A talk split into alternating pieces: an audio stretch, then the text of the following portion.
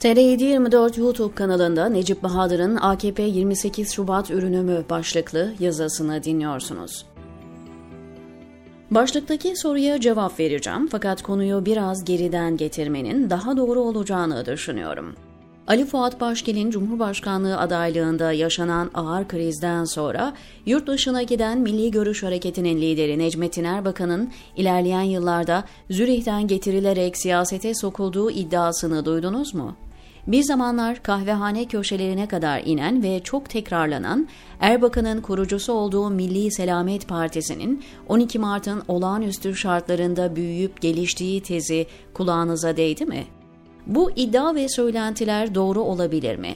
Türk siyasetinde herhangi bir konuda düşüncenizi dillendirmeniz için ispata lüzum duyulmaz. İpe sapa gelmeyen her türlü iddiayı gerçek gibi anlatabilirsiniz. Parti taraftarlığı fanatizm boyutunda olduğundan taban tarafından sorgulanmazsınız. Nazilerin propaganda bakanı Göbels'in taktiğiyle büyük yalanları güçlü seslerle tekrarlarsanız yalanınız toplumda gerçek muamelesi görür.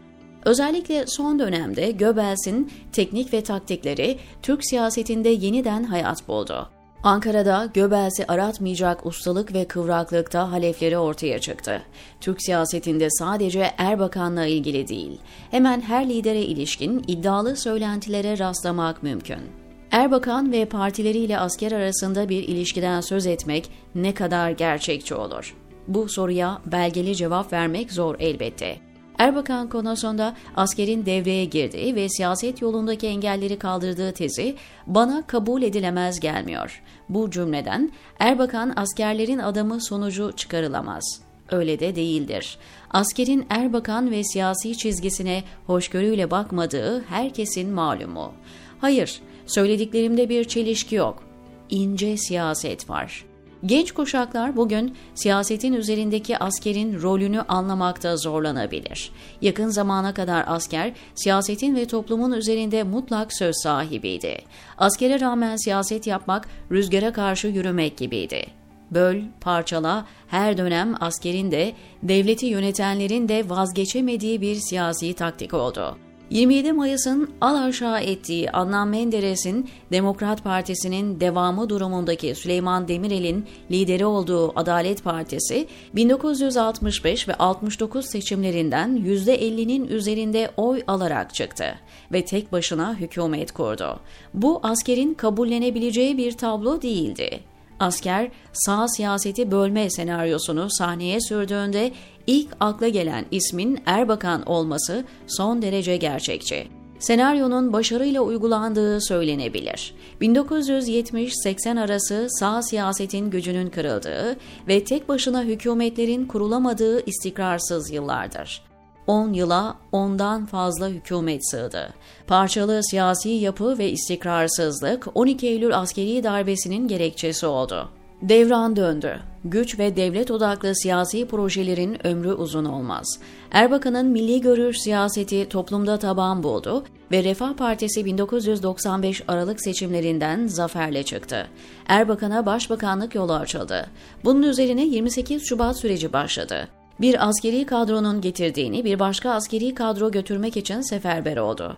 28 Şubat'ın siyasi hedefi doğrudan Erbakan'dı. Bu olağanüstü dönemde askerin öncülüğünde devlet bütün unsurlarıyla Erbakan'ın Refah Partisi'nin üzerine gitti. Refah Partisi kapatıldı, Erbakan siyasetten yasaklandı. Milli Görüş Hareketi ortadan ikiye bölündü. Gelenekçi ve yenilikçiler diye. Çok geçmeden Erbakan ismine ve politikalarına ciddi eleştiri ve itirazlar getiren yenilikçi çizgi AKP olarak siyaset sahnesine çıktı. Yenilikçiler dava ve ideal siyasetten uzaklaştı, reel politiği temel siyaset olarak benimsedi asker ve devletle uzlaşmanın yollarını aradı. Erbakan karşıtlığı yenilikçi hareketi devlet nezdinde muteber kıldı. Erdoğan ve arkadaşları geçmişle irtibatlarını kopardı, söylemleri tamamen değişti. Adını açıkça koymasa da duruşu ve üslubuyla yelpazedeki yerini sağ merkez olarak konumlandırdı. Erdoğan'ın milli görüş gömleğini çıkardık sözü sıradan bir cümle değil, bir siyasi felsefenin ifadesiydi. Başka iddialı çıkışları da vardı. Lider sultasına son verilecekti. Liderin dediğiyle değil, istişareyle yol yürünecekti. Parti içi demokrasi olacaktı. En fazla 5 dönem genel başkanlık yapılacaktı. Siyasette dinsel içerik ve üslup kullanılmayacaktı. Şimdi başlıktaki soru daha anlamlı oldu. AKP 28 Şubat'ın ürünü mü sorusuna yukarıda çizmeye çalıştığım çerçevenin içinde cevap aramak lazım. Tek kelime ve cümleyle evet veya hayır diye cevap verilemez. 28 Şubat olmasaydı AKP olur muydu? Erdoğan siyaset sahnesine çıkabilir miydi? Erbakan'ın karşısında tutunabilir miydi?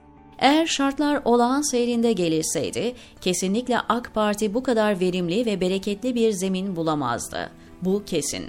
Refah Partisi ve Fazilet Partisi kapatılınca yenilikçiler serbest kaldı. Erbakan'la aralarındaki bağ koptu. Bunun rahatlığıyla yeni parti arayışına girdiler ve yollarına AKP olarak devam ettiler. AK Parti Erbakan siyaseti ve üslubuna bir isyan ve tepkinin adıydı. Eğer Erbakan siyasetten yasaklanmasaydı, sesi kısılmasa, sözü engellenmeseydi, AKP bu kadar geniş kadro zenginliği ve derinliği bulamazdı. Erdoğan 28 Şubat sürecinin Erbakan'dan temizlediği siyasi alanın tam üzerine oturttu AKP'yi. Erdoğan, Erbakan'dan icazet aldı mı? Hayır. Lüzum da yoktu zaten. Erbakan'la ilişkili görünmek devlet nezdinde sakıncalı olmanın diğer adıydı çünkü. Erdoğan'ın da bu canına minnetti.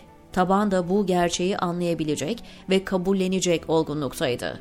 Erdoğan kadro ve siyasi çizgi olarak merkez sağa doğru dümen kırınca AK Parti yürüdü gitti ve merkez sağın patronu oldu.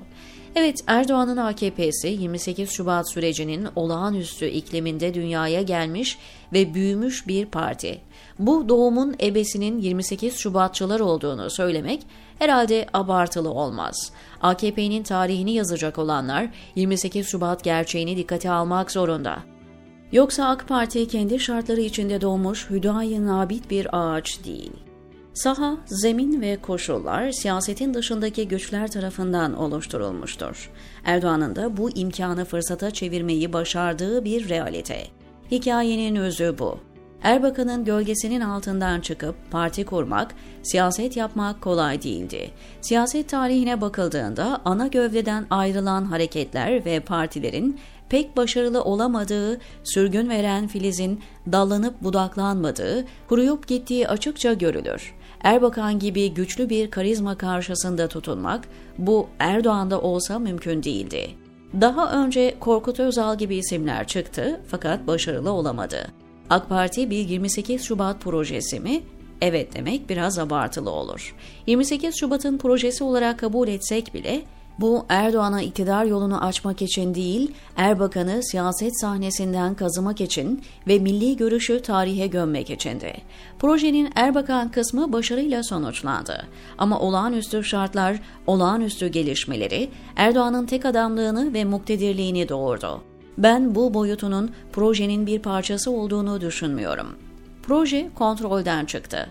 AK Parti liderliği partileşme sürecinde 28 Şubat'ın kudretli generali Çevik Bir'le görüşmeler yaptı.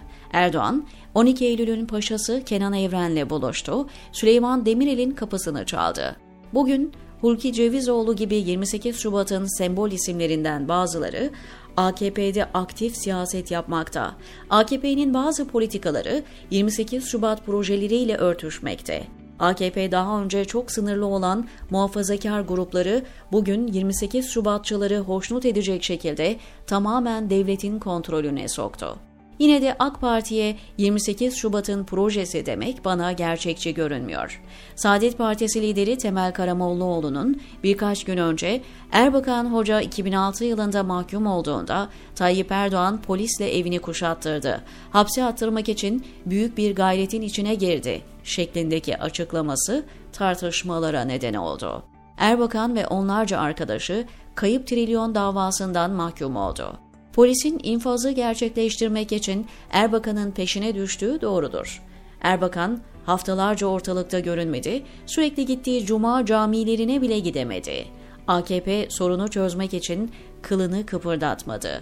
Kamuoyunda oluşan olumsuz havanın etkisiyle Cumhurbaşkanı Abdullah Gül yaş ve hastalığını gerekçe göstererek özel af kapsamında dosyasını kapattı.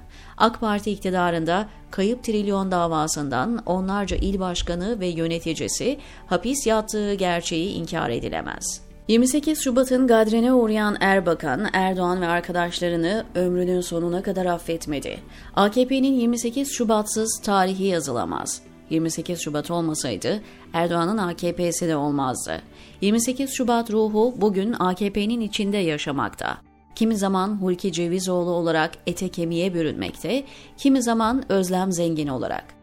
Erdoğan partisini ve kendisini siyaseten var eden 28 Şubat'ı olan borcunu hala ödemekte. Olağanüstü iklimde doğan partiler ancak olağanüstü şartlarda yaşar. Erdoğan'ın ülkeyi sürekli olağanüstü koşullarda tutmak istemesinin nedeni bu.